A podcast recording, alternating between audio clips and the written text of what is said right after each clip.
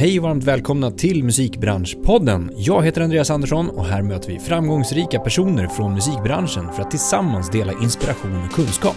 Podden produceras av DMG Education, musikbranschens digitala kunskapsarena med kurser, utbildningar och coachning för dig som vill utveckla din karriär. I dagens avsnitt träffar jag Therese Sundling Liljedahl som idag är Senior Vice President Marketing Partnership på Live Nation.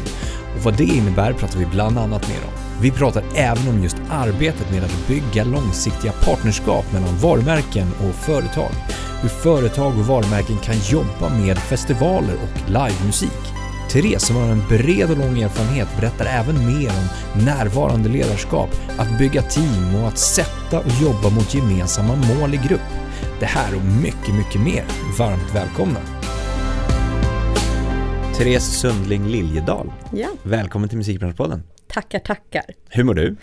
Jag mår jättebra. Ja. Solen skiner, det är måndag, Eller hur? ny start. Du körde ett snabbt telefonmöte här i, i bilen utanför. Ja, Ja. och det här är ju, vi, nu startar vi alltså inspelningen en minut innan vi egentligen hade bokat vårt möte. ja, Det är bra. det är bra.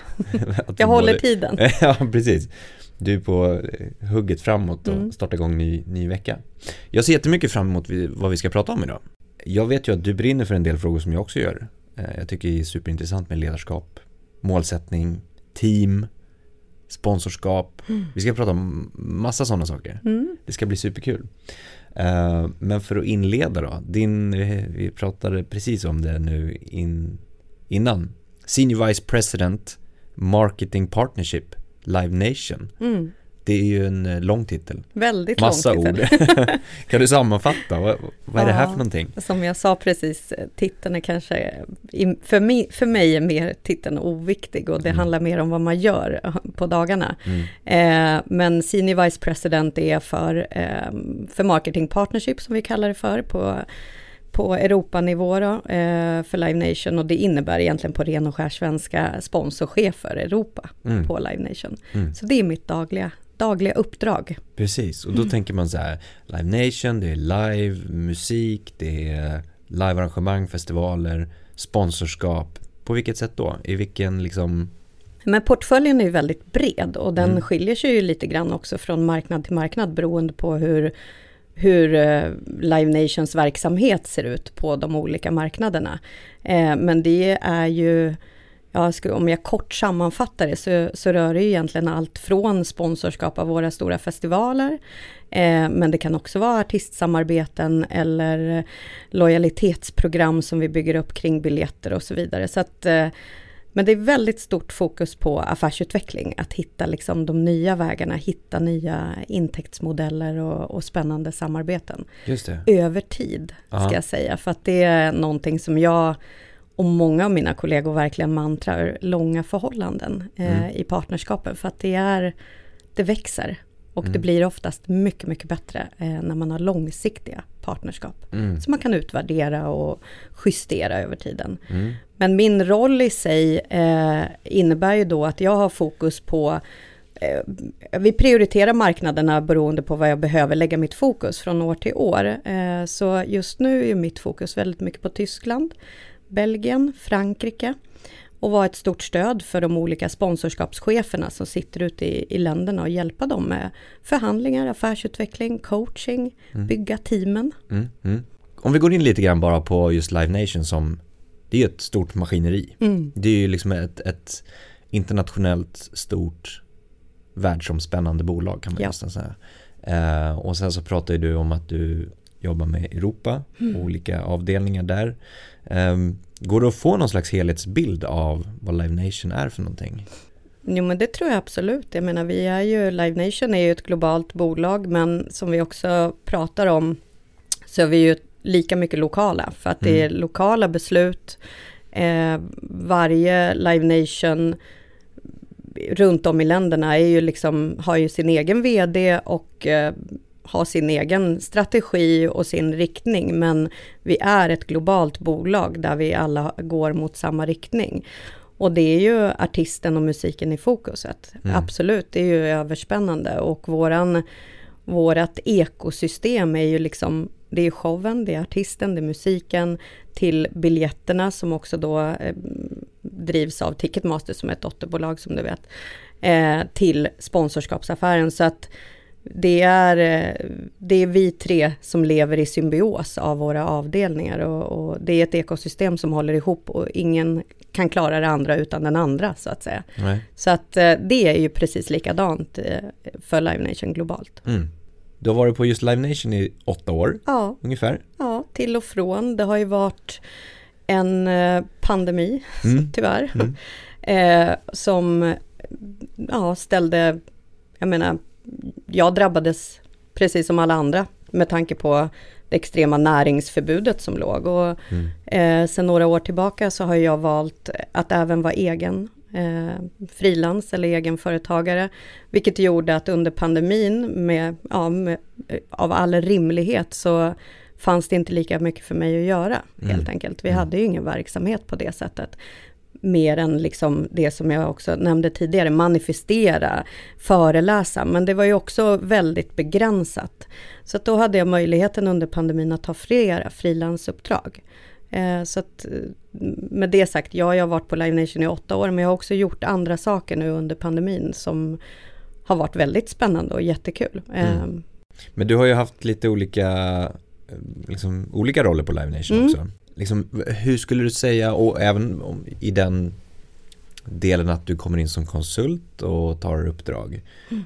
Hur lång tid skulle du säga att det tar för dig att sätta dig in i en specifik roll eller ett specifikt uppdrag?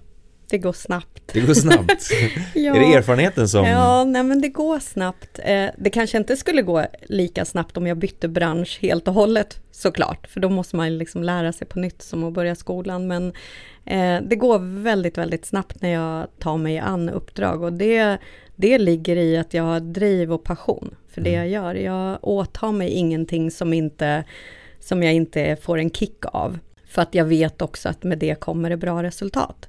Sen, är, sen tar det ju tid innan man får effekt av min ja. roll eller det jag har i uppdrag att bygga upp ett team eller göra en stor förhandling. Det går ju inte snabbt alla gånger utan det måste få ha sin tid. Men, men jag axlar rollen med mycket passion och mycket driv och därmed går det snabbt. Mm. Sen har jag ju, och det tror jag man ser mitt CV tror jag är som ett stort garnnystan ibland i olika titlar och roller för att min roll tenderar att förändras. Mm. Jag får mer att göra eller så får jag ett ytterligare ett annat uppdrag inom företaget jag representerar så att det, det förändras över tid. Det. Men det är också för att det öppnar sig nya möjligheter, dörrar jag ser att ska vi inte göra på det här sättet, vi slår ihop marknadsavdelningen och sponsoravdelningen för att det kommer skapa mer affärsnytta. Så testar man det. Det kanske mm. inte funkar alla gånger när man kommer med sådana idéer men jag har också haft tur att vara på arbetsplatser där man har omfamnat det. Att, mm. Ja men gud, vi testar det här, vi kör eh, och utvärderar sen. Så att ja, jag har haft många roller på Live Nation, men det var likadant när jag var på MTG innan. Där var det också väldigt många olika roller över de 13 åren jag var där. Mm. Men eh, är det den samlade erfarenheten också? Alltså från att du faktiskt har gjort väldigt många olika saker som kan göra att du sätter in snabbare också? Ja men det tror jag absolut. Eh, nu är man ju inte ung längre. Och med åren kommer eh, kompetens och vishet och klokhet och också man lär sig av misstag man har gjort. Mm. Så att eh, det är såklart att det är så, att mm. jag har kompetensen som krävs i de fallen.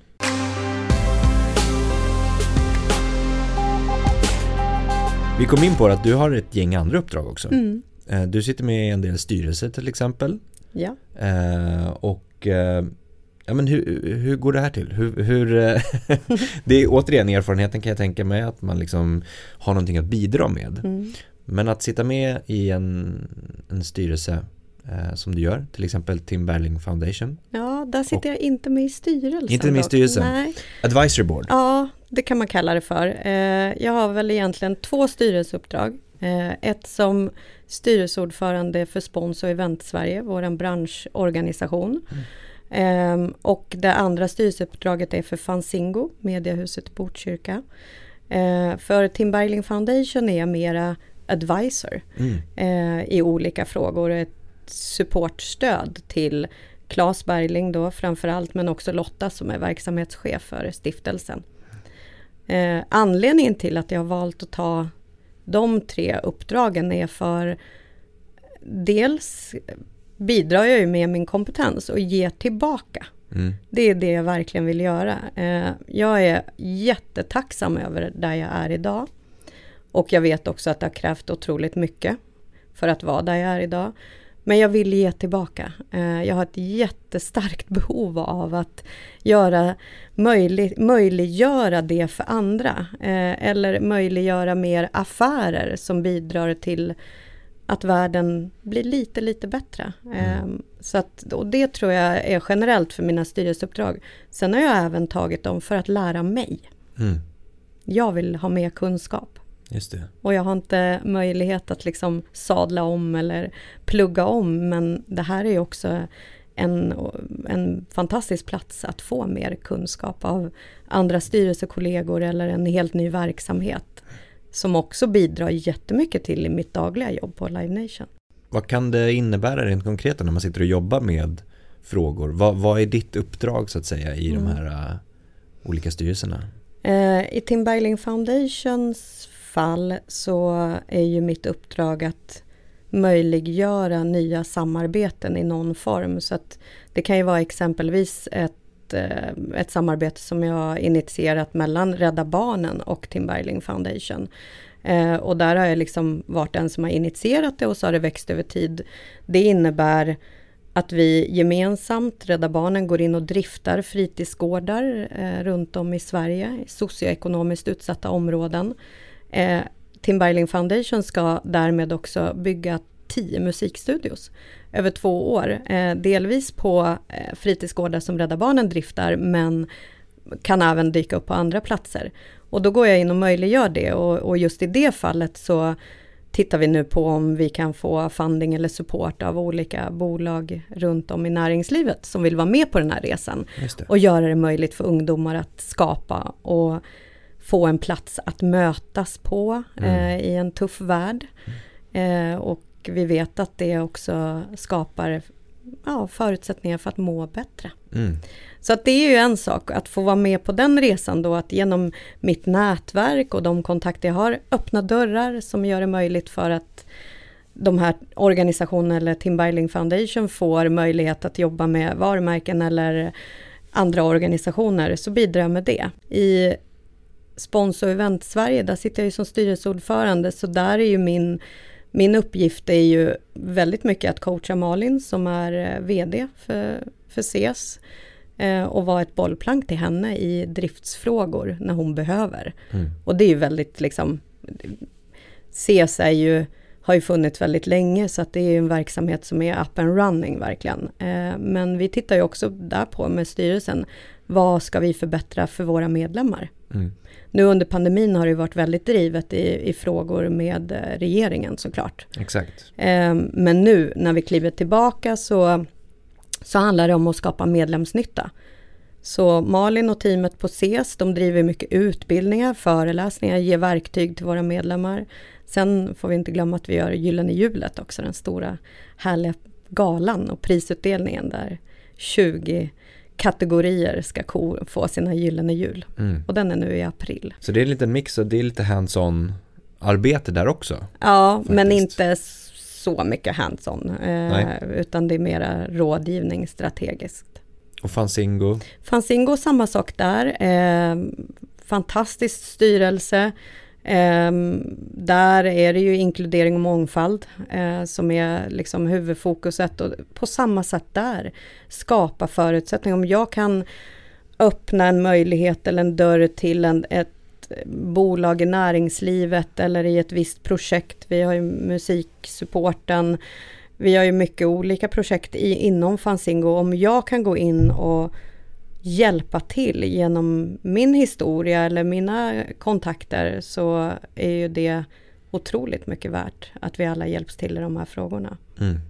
Och hur får man sådana här uppdrag? Eller hur har du blivit, eh, har du blivit approachad eller? Ja, just de här fallen så har jag blivit det. Mm. Eh, Tim Bergling Foundation var ju en person i, i branschen, eh, Tims gamla agent Panos, som kontaktade mig när, när eh, Avicii Tribute Concert skulle göras. Eh, för att då behövde vi få in funding till att kunna liksom lägga grunden i att göra den stora konserten strax efter Tims bortgång. Eh, så Panos gjorde det möjligt för mig. Jag är jättetacksam över det. Att han lät mig vara med i det. Och sen födde det att jag kunde vara kvar. Då mm. ville Claes att jag skulle vara kvar i, i stiftelsen och bidra om jag hade möjlighet. Mm. Så det är också, allt är ju väldigt styrt av hur mycket tid jag kan lägga för att Live Nation-uppdraget är ju mitt huvudsakliga uppdrag. Mm. Så att ja, det är på bekostnad av eh, viss fritid och mm. men jag drivs av det här så då gör det min livsbalans bra. Mm. Du pratade om det nu, det är viss fritid med livsbalans, din tid, ser du att mm. de går liksom ihop på något sätt? Att det inte finns en tydlig linje kring att det här är jobb, det här är liksom mitt privat? Jag har blivit jättemycket bättre på att eh, klippa, alltså mm. stänga av när jag behöver stänga av just efter den tuffa tid jag hade där jag inte mådde jättetoppen. Eh, då var jag verkligen tvungen att backa tillbaka. Så att, men i och med också att jag jobbar mot många olika länder, jag reser väldigt mycket. Eh, nu kommer jag inte resa på samma sätt som vi gjorde inom pandemin, det vore dumt att göra det, utan mm. nu kan man ju faktiskt, det är mer okej okay att jobba mer digitalt. Men jag styr min tid väldigt bra och kan pussla mellan det. Mm. Men jag säger också nej väldigt mycket. Att nej, jag kan inte ta mig an det för att då måste jag bortprioritera tid med mina barn och det har jag ingen lust med. Mm. Sen tror jag att en av fördelarna då med att vara skild som jag är och ha mina barn varannan vecka. Det skapar ju också möjlighet att varannan vecka kan jag vara mer flexibel. Mm. Då är det inte skjutsa till träningar på samma sätt som det är varannan vecka. Mm. Men när jag har barnen, då är det barnen som gäller. Mm. Då är det det som är full prioritet. Mm. Jag tänker, du har ju samlat på dig massa erfarenhet eh, under din karriär mm. och du har tagit massa uppdrag, du har varit nyfiken, du har varit drivande. Eh, vad tror du är viktigt att samla på sig framåt för andra personer? Om du får se liksom, du har ju en liten coachande mm. liksom, person i dig också. Mm. Um, om du får se på musikbranschen som den ser ut idag och framåt och prata med någon som kanske vill skapa sig erfarenhet, ja. vill skapa sig en karriär framåt um, och måla med liksom stora penseldrag. Det är svårt att veta exakt vad som kommer, att jag ska lära mig om det där eller specifikt det där. Men kunskaper och kompetenser och erfarenhet, vad skulle du tipsa om?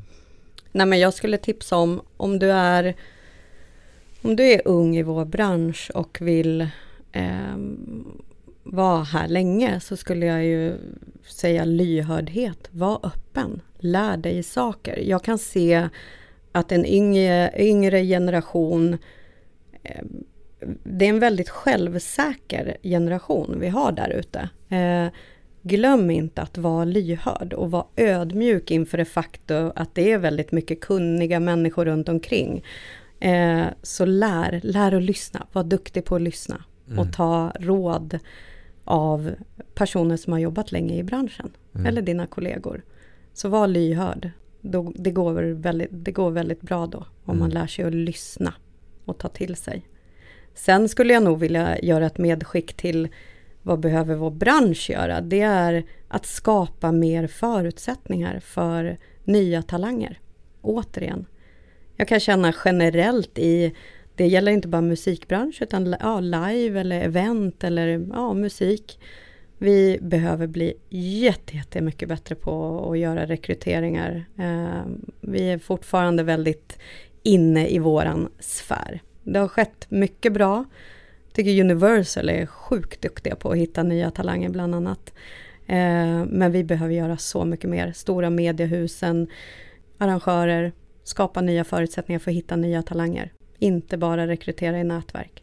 Kan det vara idé också att skapa långsiktiga relationer? Ja, som du var inne på. verkligen. För att behålla, eller för att vara aktiv eller verksam i, i en bransch som ständigt utvecklas. Mm som också har liksom något slags upparbetat eh, det är väl en, en, liten balans kring att ja, men det finns upparbetad erfarenhet och strukturer kring så här har vi gjort som behöver fortsätta en del Mm. och en del behöver bara raseras totalt. Ja, definitivt. Och, och liksom veta vad som ska liksom på något sätt, vissa raseras är väl självklara såklart och vissa är mindre självklara och vissa ska ifrågasättas och vissa ska utvecklas på något sätt. Ja. Ehm, men jag tror att det är, det är svårt för många att, eller jag vet att det är svårt för många att hitta någon slags balans kring att okej, nu ska jag vara ifrågasättande, nu ska jag vara komma med förslag, samtidigt ska jag vara väldigt lyhörd för Mm. hur det är gjort. Mm. Tror du att det finns någon så här rent praktisk gå tillväga på det här sättet? Mm. Det är svårt det där. Eh, Men du har helt rätt i de långsiktiga, skapa långsiktiga relationer. Återigen det här med att vara lyhörd, nyfiken, Mm. bygga nätverk. Eh, Det är nog inte liksom våga ta steget och lära känna människor för det bygger över tid. Det Mm. tror jag är jätteviktigt. Jag är ju otroligt tacksam över alla jag lärde känna på min ZTV-tid när jag jobbade där. De bär jag med mig fortfarande i mitt nätverk. Varenda person man träffar är ju nätverk för framtiden Mm. i vår bransch. Och eh, så stor är den inte och folk rör på sig och det är jätteviktigt att, att värna om de långsiktiga relationerna. Och på din fråga där med så här, komma med idéer, vara proaktiv, våga ifrågasätta men samtidigt vara lyhörd. Ja, jag säger var street smart, känn av rummet. Jag tror fler behöver vara mer, ha mer säljande retorik. Sälj är fint, man lär sig psykologi i det Mm. när, var, hur ska jag lägga fram det här förslaget eh, för att få det dit jag vill eller för att få folk att lyssna. Mm. Eh, så det är mycket psykologi i det, men känna av rummet, Mm. läs av.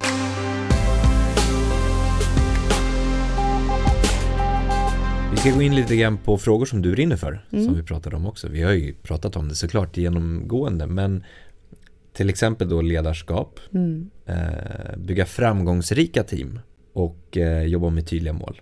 Och en fantastisk sammanhållning Ja, har du skrivit någonstans också. ja, Vi börjar lite och gräva lite i de här delarna tänker jag mig, för jag tycker det är jättespännande också. Om vi, om vi börjar med ledarskapsfrågan där då. Vad är det du liksom brinner för här och vad vill du bidra med? närvarande ledarskap.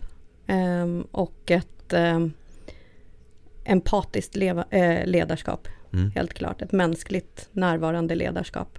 Jag tror att det är liksom förlegat det här makthavande, strukturella, hierarkiska ledarskapet, det är ju så passé liksom. Det får vi inte, det, det borde inte få existera. Det gör ju tyvärr det fortfarande, vi är inte där än.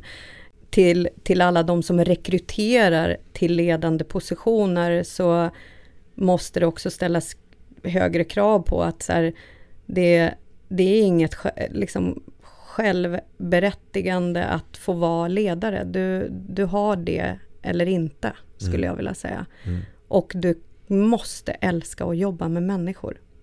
Drivs du inte av att sätta teamet och företagets framgång först före din egen, det blir sällan bra Mm. med den, den typen av ledare som sätter sig själv först. Mm.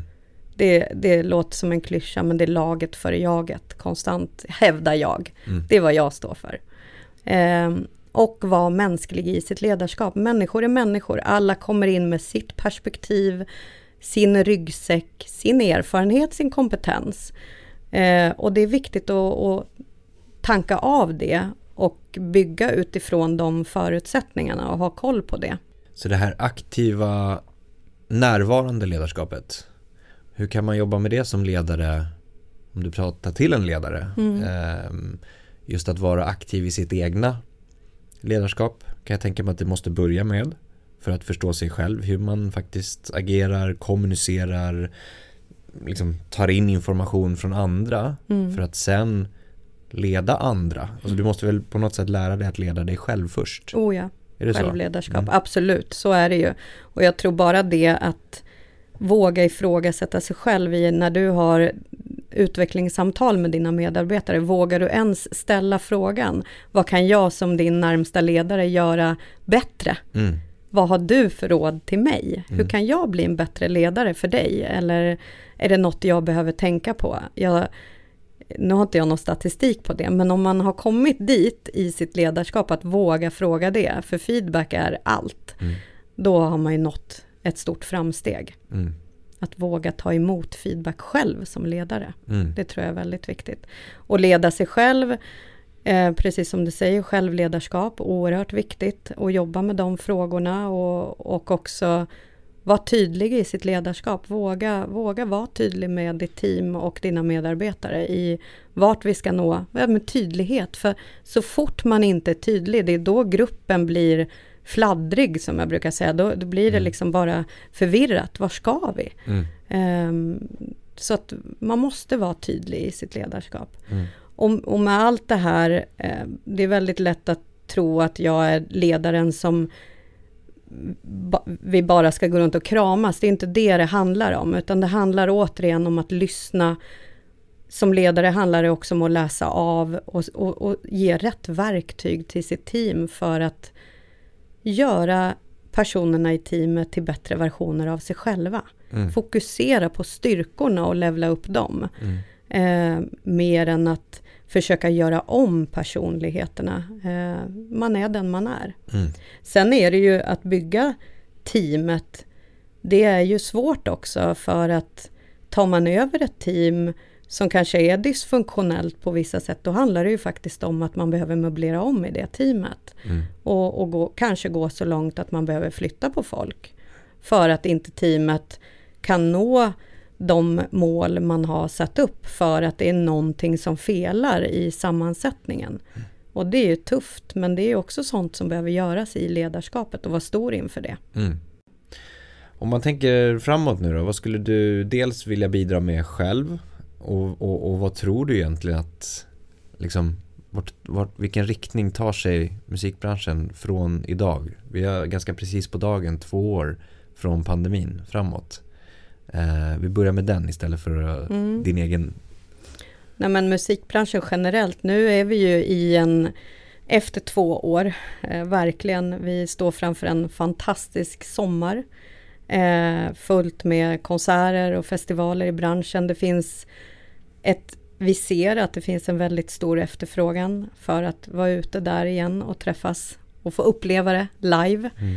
Eh, det blev ju inte så att den digitala konserten ersatte live, liksom, som många frågade när vi äntrade pandemin liksom på, ja, på varenda marknad att jaha, men nu, nu börjar vi kolla på streamade konserter istället för. Mm. Så är det ju inte. Eh, det är en superbra förlängning på upplevelsen också, på olika former. Men jag, jag ser ju jag ser ju åter, återtåget till live som någonting otroligt kraftfullt i våran bransch. Ehm, så att det är väl det jag ser framför mig nu, att få ja, komma upp på 2019s fantastiska nivåer igen av mängden fans som upplever live och musik. Mm. Har du någon specifik eh, konsert, festival som du ser fram emot personligen? Det är omöjligt att svara på. Det är så mycket. Ja, det är så mycket. Eh, nej, jag vet inte, men liksom... Nej, jag ser framför mig bara att ja, få gå på så mycket som möjligt och se glädjen i folks ögon och känna basen i bröstet igen. Mm. Det ser jag fram emot. Sen spelar det faktiskt ingen roll vilken artist eller vilken festival det är, för att bara få vara där Mm. känns väldigt viktigt. Känna lukten. Mm, faktiskt. Men eh, ur mitt eget perspektiv så, så handlar det om att fortsätta skapa, skapa förutsättningar för att göra spännande samarbeten, finnas, finnas eh, för mitt team eh, och de runt omkring mig som, som kan behöva mig i Mm. någon form. Härligt. Therese, eh, jättetack för eh, trevligt samtal. Tack själv! Jättestort tack för att du har lyssnat på podden idag. Det uppskattas verkligen. Kom ihåg att följa, stjärnmarkera, gilla, dela, kommentera för att hjälpa till att sprida kunskapen i musikbranschen. Vi vill också jättegärna höra från dig. Vilka utmaningar står du inför? Vad tycker du är svårt? Vad tycker du är lätt? Vad vill du höra? Vad vill du veta? Vad vill du lära dig?